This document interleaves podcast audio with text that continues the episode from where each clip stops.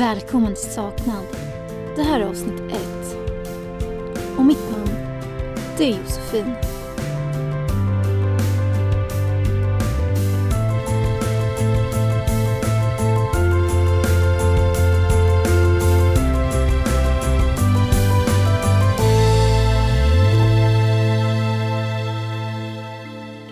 Ni känner kanske igen känslan av en helt vanlig måndag morgon.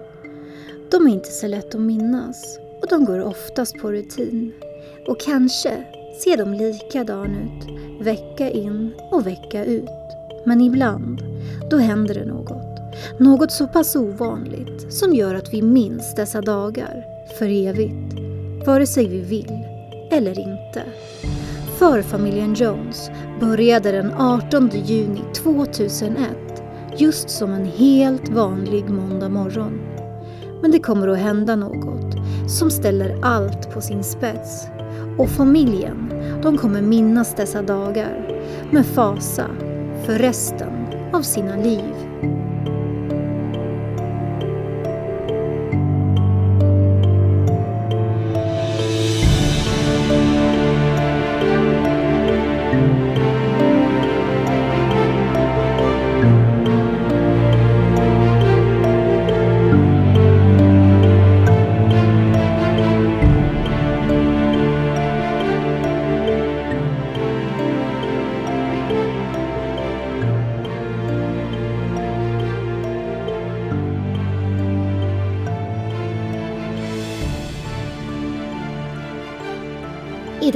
Avsnitt, vi befinner oss ungefär en timme utanför London i en liten by i Essex som kallas East Tilbury. Det är ett litet gemytligt samhälle, inte alls långt från det fartfyllda stadslivet. Här bor en skolflicka vid namn Daniela Sarah Jones och vi kommer kalla henne för Daniela. Daniela hon bor i Tilbury med sin familj och år 2001 då är hon 15 år gammal. Hon har bara några veckor kvar innan hennes sommarlov ska börja. Vi kan läsa att Daniela är en lång och smal flicka och redan i den tidiga tonåren så är hon hela 173 cm lång. Vi ser också på många av de bilder som publicerats av Daniela att hon har vågigt långt guldblont hår. Hon har avsmalnande blå vackra ögon hon har en ganska skarp och söt näsa. Danielas mamma, hon berättar i intervjuer att hennes dotter hade lite svårt för vissa ämnen i skolan. Men hon hade kämparglöden och hon jobbade på hårt för att klara de sista proven innan den välförtjänta ledigheten skulle börja.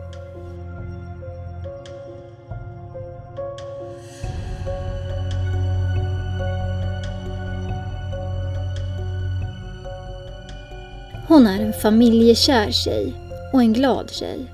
Och hon beskrivs i samma intervju som lite godtrogen och blyg, men som omtänksam och mycket snäll. Daniela gillar att lyssna på popmusik och hennes favoriter det är bland annat popbandet Step och Robbie Williams. På sin fritid då brukar hon leka med sina två små grå kaniner och umgås med sin familj. Familjen den består av mamma, pappa, Daniela och hennes två äldre bröder. Daniela var förtjust i barn och hon hade planer på att arbeta med barn i framtiden. Kanske som fritidspedagog på en förskola.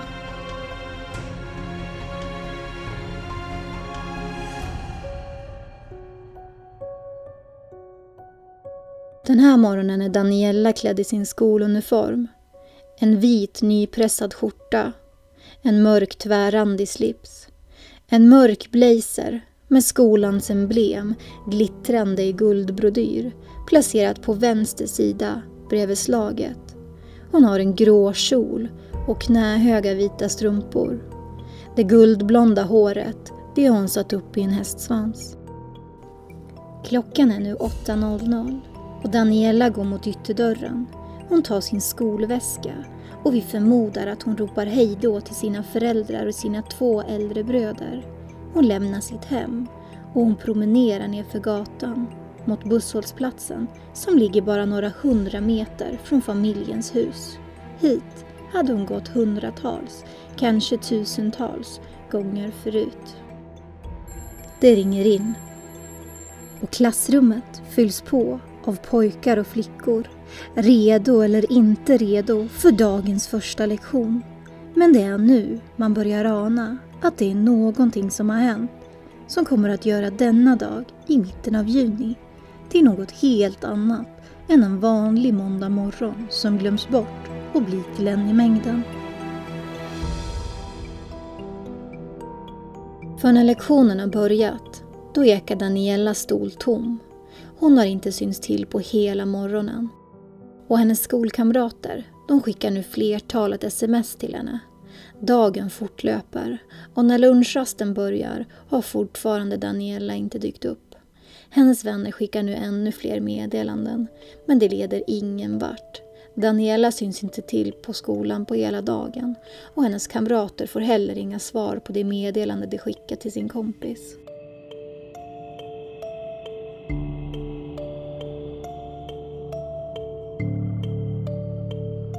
Hemma hos familjen Johns är det nu eftermiddag.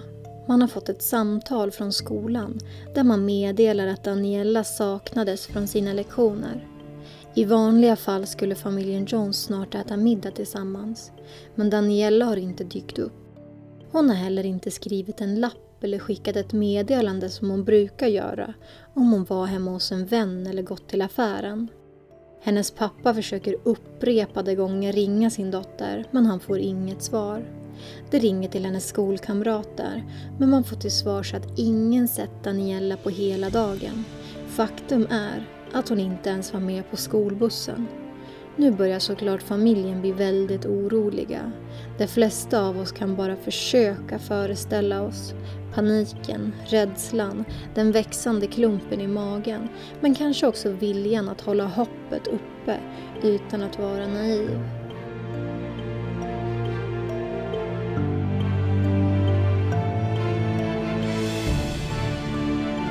Ibland brukade Daniella vara hemma hos sin faster och farbror så familjen tänker att kanske kan hon vara där och man ringer dit. Men man får till svars att här finns hon inte heller. Farbrodern säger något i stil med Du ska inte oroa dig, hon är säkert hemma till kvällen.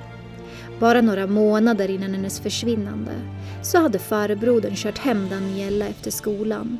Hon hade svimmat och mådde dåligt. Och hennes mamma minns nu att Daniela hade sagt att det kändes som att hon hade blivit strypt när hon svimmade. Att hon inte kunde andas. Hon minns också att hon faktiskt hade sett några märkliga märken på dotterns hals. Och detta dagen efter den ovanliga incidenten.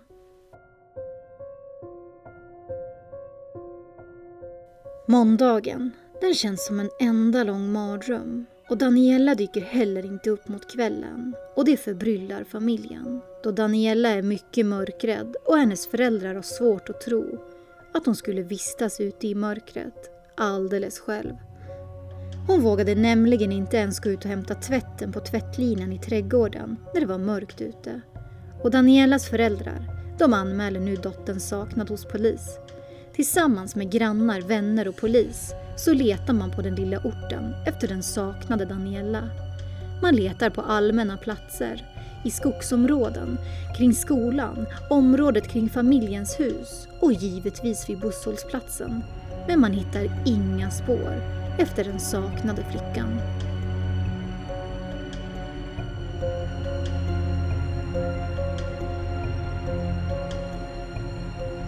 Tisdagen den 19 juni och familjen Johns har inte sovit en blund. Daniela har nu varit försvunnen i 24 timmar. Polisen börjar undersöka personer i Danielas närhet. Om det finns någon som kan ha ett motiv till att kidnappa flickan. Man hittar också en person som blir lite mer intressant än någon annan. Man upptäcker nämligen att en person som står Daniela nära har ett mörkt förflutet och en hemlighet han dolt för sin familj och sina vänner i alla år. Han finns nämligen för första gången i brottsregistret redan 1979. Då bara 21 år gammal. Han är gift och har ett barn med en yngre kvinna. Han anmäls för att ha förföljt och våldsamt attackerat och därefter även rånat en 16-årig flicka. Mannen han döms till fyra års fängelse. Och kanske ännu mer intressant, det finns också en senare notering i registret från 1989. Då har han tvingat en ung flicka, bara 14 år gammal, att posera på bilder med sexuella anspelningar. Bilderna, de är tagna i hans hem. Flickan, hon ska ha varit klädd i bikini eller underkläder och poserat i en öppen karatedräkt. Han döms och får 12 månaders villkorlig dom men lyckas alltså dölja detta för både sin familj och sina vänner. Han heter Stewart. Han är stilig och vältränad, intresserad av bodybuilding och fotografi. På de bilder vi sett av Stewart så är han oftast ganska solbrun. Han har fylligt mörkt hår och det är bakåtkammat. Han är renrakad men med en begynnande stubb. Han ser liksom välvårdad ut. Stewart, han jobbar som byggarbetare eller snickare. Han är inte fast anställd av en firma utan mer en egen företagare som tog anställning på olika byggprojekt på olika byggen. Året 1986 då träffar Stewart sin nuvarande fru. Hon heter Debbie och ni har förmodligen gissat rätt. För Debbie, det är Danielas faster. Stewart och Debbie, de möts för första gången vid en allmän pool. Hon blott 15 år gammal och han 25. Stewart, som fortfarande är gift när han inleder förhållandet med den unga Debbie, skiljer sig snart.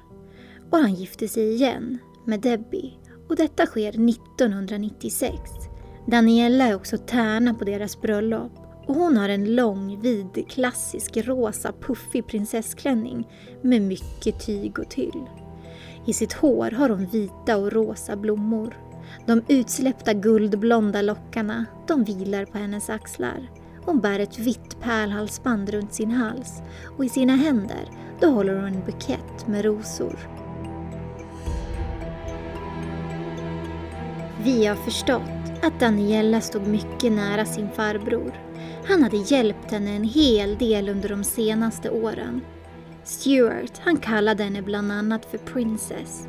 Han gav henne mycket uppmärksamhet och många komplimanger, vilket hade boostat hennes kanske annars lite låga självförtroende. Daniela, hon spenderade i tonåren en hel del tid hos sin ingifta farbror. Debbie, nu dryga 30, och Stuart, dryga 40, de väntade sitt första gemensamma barn, det vill säga Stuarts andra barn. Debbie är nämligen höggravid den här sommaren och om fyra veckor, då ska hon föda.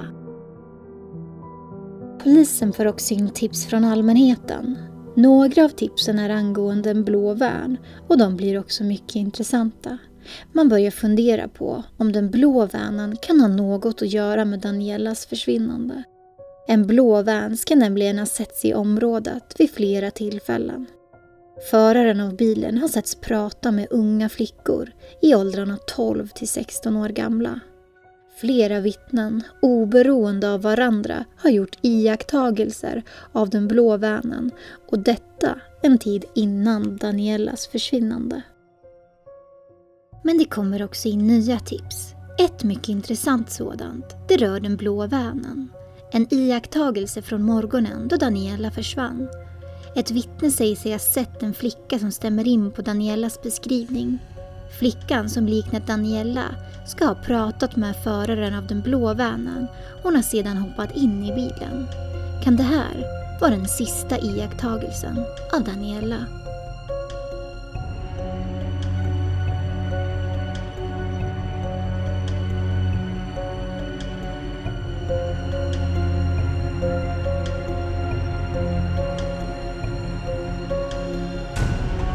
Bara några dagar efter försvinnandet så meddelar polisen att man genomsökt ett hem i Thurrock, Essex. Det ligger bara några kilometer från Tilbury. Där påträffas bland annat en grön tygväska som innehåller bikinis, stay-up-strumpor, trosor, handbojor, kondomer, visitkort, ett läppglans, ett svart karatebälte. Men man hittar också en kamerautrustning och en hel del andra märkliga föremål. Man upptäcker att Daniela har skickat två meddelanden efter sitt försvinnande och båda smsen har gått till hennes farbror Stuart. Hon skriver i versaler. Hi Stu, thanks for being so nice. You're the best uncle ever. Tell mum I'm so sorry. Love you loads. Dan XXX. Polisen börjar nu fatta misstankar mot Danielas farbror. Och mamman är av den bestämda uppfattningen att Daniela inte skriver meddelande i versaler. Stewart lämnar ett alibi. Han säger att han befunnit sig ungefär 30 minuter från platsen där Daniela senast sågs. Stewart säger att han befunnit sig på en byggbutik för att köpa skruvar och bultar. Men man noterar också att Stewart inte hjälpt till att leta efter Daniela trots att de stod varandra så pass nära.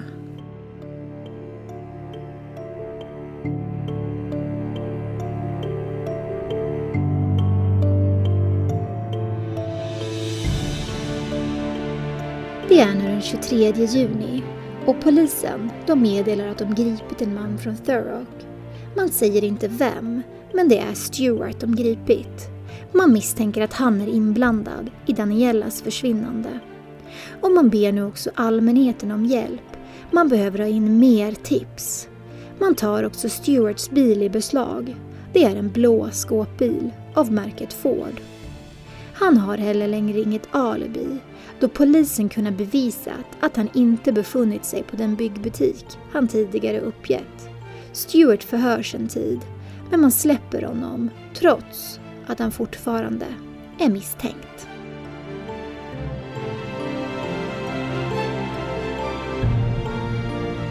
Fyra dagar efter att polisen har meddelat att Stewart har gripits så släpper familjen en hemmavideo. Den är av Daniela och man visar den på TV. Det gör man i hopp om att väcka minnen till liv från potentiella vittnen. På filmen, där ser vi en oskyldig flicka. Det är ett barn, det är Daniela och det är bara några veckor tidigare. Hon är glad och leker med sina två små grå kaniner i familjens vardagsrum. Och man får också in några nya vittnesmål. Några pojkar lämnar ett vittnesmål där man beskriver att man sett Daniela morgonen för hennes försvinnande. De ska ha sett Daniela gå i riktning mot busshållplatsen för att sedan vända om och gå tillbaka i riktningen hon kom ifrån. Ett annat vittne har sett Daniela ståendes vid ett gatuhörn och detta strax efter att hon lämnat familjens bostad. Ett tredje vittne har sett en skolflicka bråka med en äldre man. Det är nu den 29 juni och Danielas stora idoler, nämligen popgruppen Step, skickar ett meddelande till Daniela. Där ber man henne omgående kontakta sin familj. Polisen lägger ner enorma resurser på att hitta den saknade flickan. Men tre veckor efter Danielas försvinnande så säger polisen i ett uttalande att de är övertygade om att Daniela ska ha blivit bortförd mot sin vilja. De säger att det ska ha skett i närheten av hennes hem. Polisen säger även att man bedömer att sannolikheten att Daniela skulle hålla sig borta av fri vilja är extremt liten. Danielas föräldrar är förtvivlade och gör allt för att finna sin saknade dotter. Tillsammans med polisen och frivilliga knackar man nu bland annat dörr och delar ut över tusen flyers med Danielas foto. Man medverkar också i tv-programmet Crime Watch UK som motsvarar det svenska Efterlyst. Man ber om tips och visar också upp en skolväska som liknar den Daniela haft morgonen hon lämnade sitt hem. Den var fylld med skolböcker och hennes skollunch. Det är en svart axelbandsväska. Även en liknande slips hon haft på sig visas upp. Programledaren intervjuar Danielas föräldrar som vädjar till allmänheten samtidigt som de kämpar för att hålla tillbaka tårarna.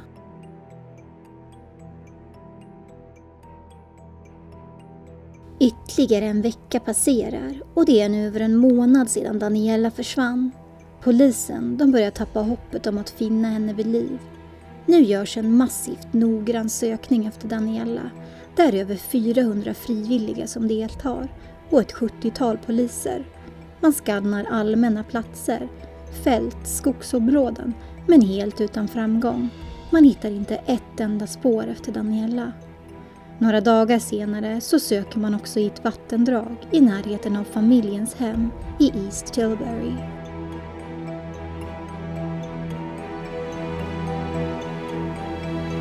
Det är nu den 17 augusti och man griper Stewart igen.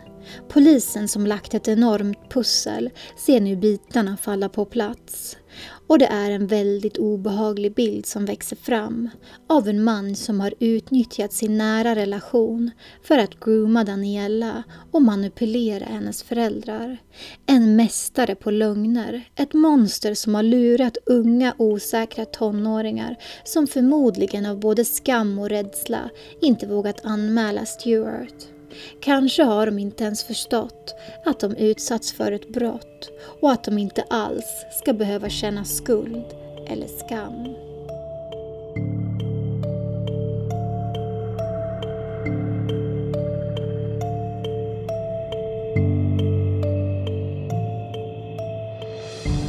Under tiden Stewarts fru Debbie var på arbetet så levde Stewart ut sina sjuka sexuella fantasier. Det blev tydligt att han gillade unga flickor i 12 till 15 år då mängder av bilder hittas i hans bostad. Man hittar bilder tagna på tjejer i smyg från bostaden. Från hans fönster hemma i deras familjehem har han fotograferat förbipasserande unga flickor. Det finns också mängder av bilder tagna på unga tjejer som poserar lättklädda i hans hem. Flickor som han hittat på olika platser såsom shoppingcentrum, allmänna pooler utanför skolor eller på busshållplatser. Man hittar till och med bilder som Stewart tagit på sin nuvarande och före detta fru när de båda var i tonåren.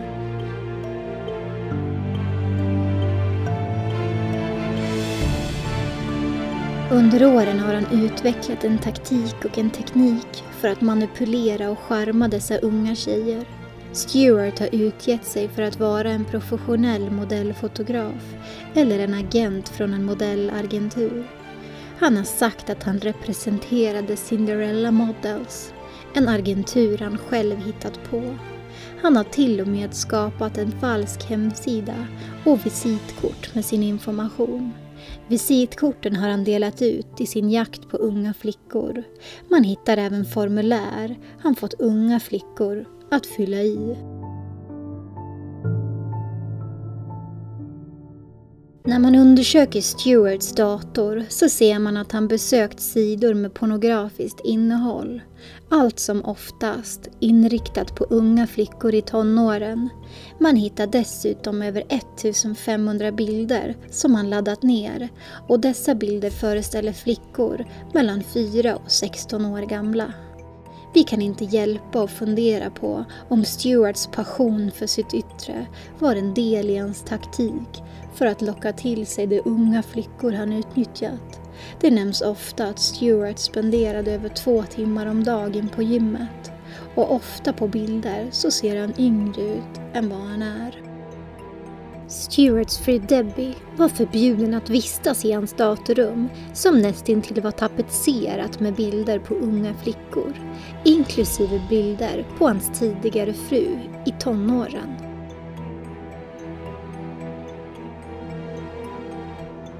Bevisen på hans största fixering Daniella är många. Och kanske är det tydligaste att han fört anteckningar om hennes liv i hans kalender. Han skriver bland annat den 4 juni 3.50 pm Met Dan from school bus, spoke to her about her attitude. Det ser nästan ut som han har bevakat och kontrollerat Danielas liv. Och kanske fanns det en underliggande ilska och svartsjuka. som var riktad mot Daniela när hon började avvisa Stewarts närmanden. Man upptäcker att Stewart har gjort en egen nyckel till familjen Jones hem.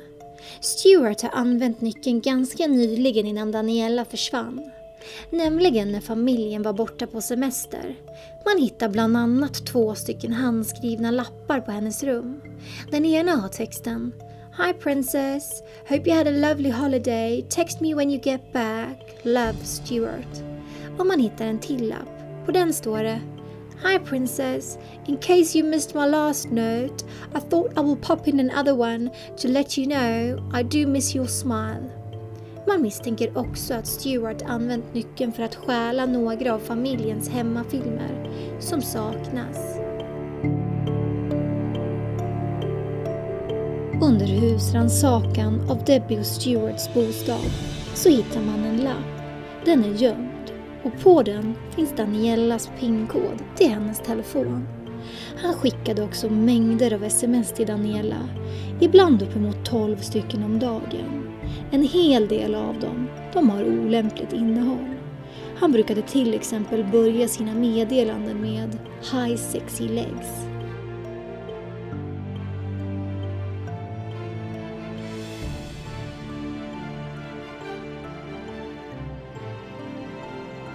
Den väska som han tidigare tagit i beslag, den hittades på Stewarts loft. Väskan och dess innehåll har man undersökt i hopp om att hitta DNA som kan binda Daniella till delar av innehållet i väskan. Och man får också en träff. Man kan nämligen konstatera att läppglanset, det har tillhört Daniella eller åtminstone använts av Daniella. Man hittar också en annan oroväckande sak, nämligen DNA i form av blod. Detta DNA är från både Stuart och Daniella. Blodet det hittas på ett par strumpor som fanns i väskan.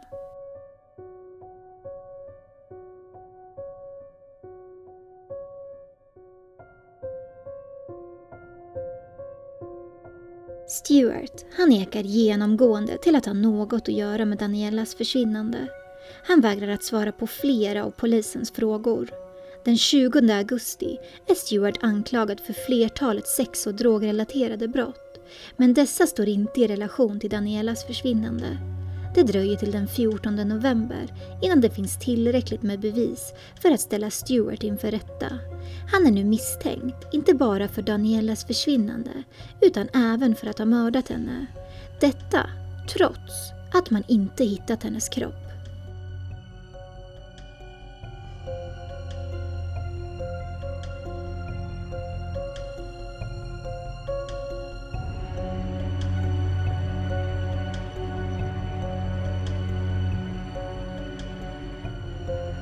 Teorin den är att Stuart tröttnat på Danielas avvisande och han erbjuder henne skjuts till skolan. Kanske är det för att försöka tala henne till rätta. Men istället för att köra henne till skolan så kör han henne hem, till sin bostad. Där mördar han Daniela och lyckas nästan helt utan spår göra sig av med hennes kropp och hennes tillhörigheter. Man påstår också att det är Stuart som har skickat meddelandena till sig själv från Danielas telefon. Detta ska ha skett en tid efter han dödat henne, som ett försök att styrka sin egen oskyldighet. Men polisen, de har nämligen 2001 rätt nyligen fått tillgång till en teknik som visar att Stuart och Danielas telefon har befunnit sig på samma plats. Detta vid tillfället för hennes försvinnande, men också när meddelandet skickats från Danielas telefon till Stewarts.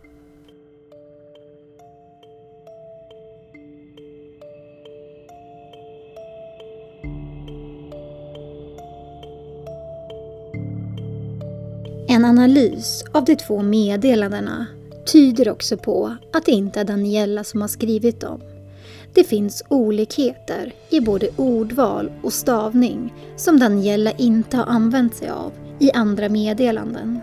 Denna typ av analys har efter detta fall även använts flera gånger i rättegångar.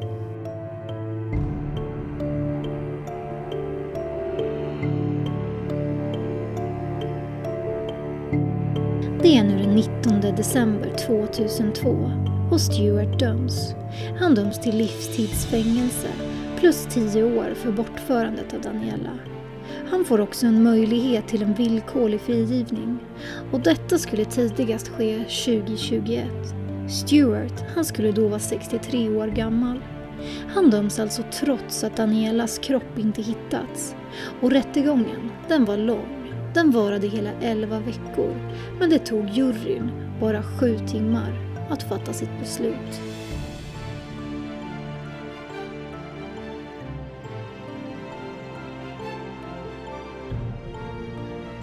Många år senare, nämligen i februari 2017, då gör man en ny satsning på fallet med den saknade Daniela Sarah Jones. Och man går igenom varje liten bit av utredningen igen. Man gör bland annat en massiv undersökning av ett garageområde där Stewart ska ha ägt ett garage 2001 alltså samtidigt som Daniela försvann.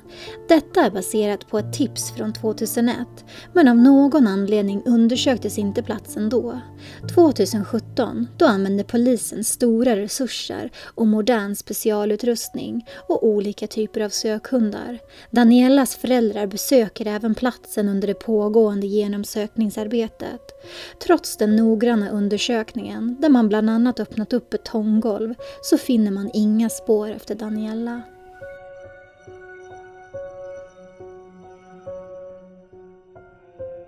Stewart vägrar fortfarande idag att samarbeta med polisen. Han nekar till brott och han säger därför att han inte kan hjälpa polisen att hitta Danielas kropp.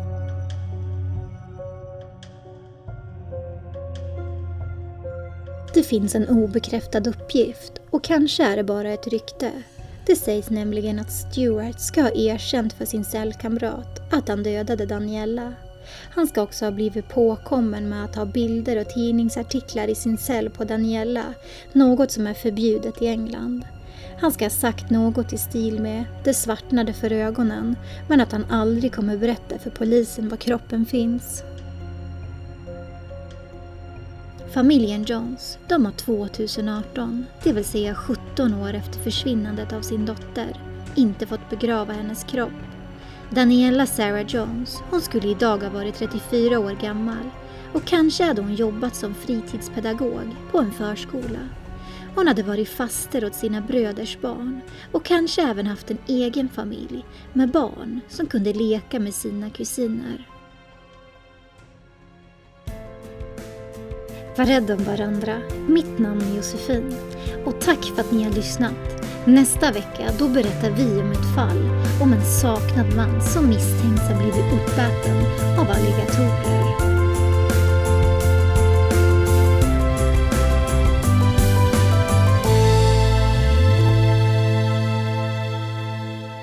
Du har hört en podd om ett riktigt brottsfall detta avsnitt har byggt på samlad information från olika medier och uttalande av polis.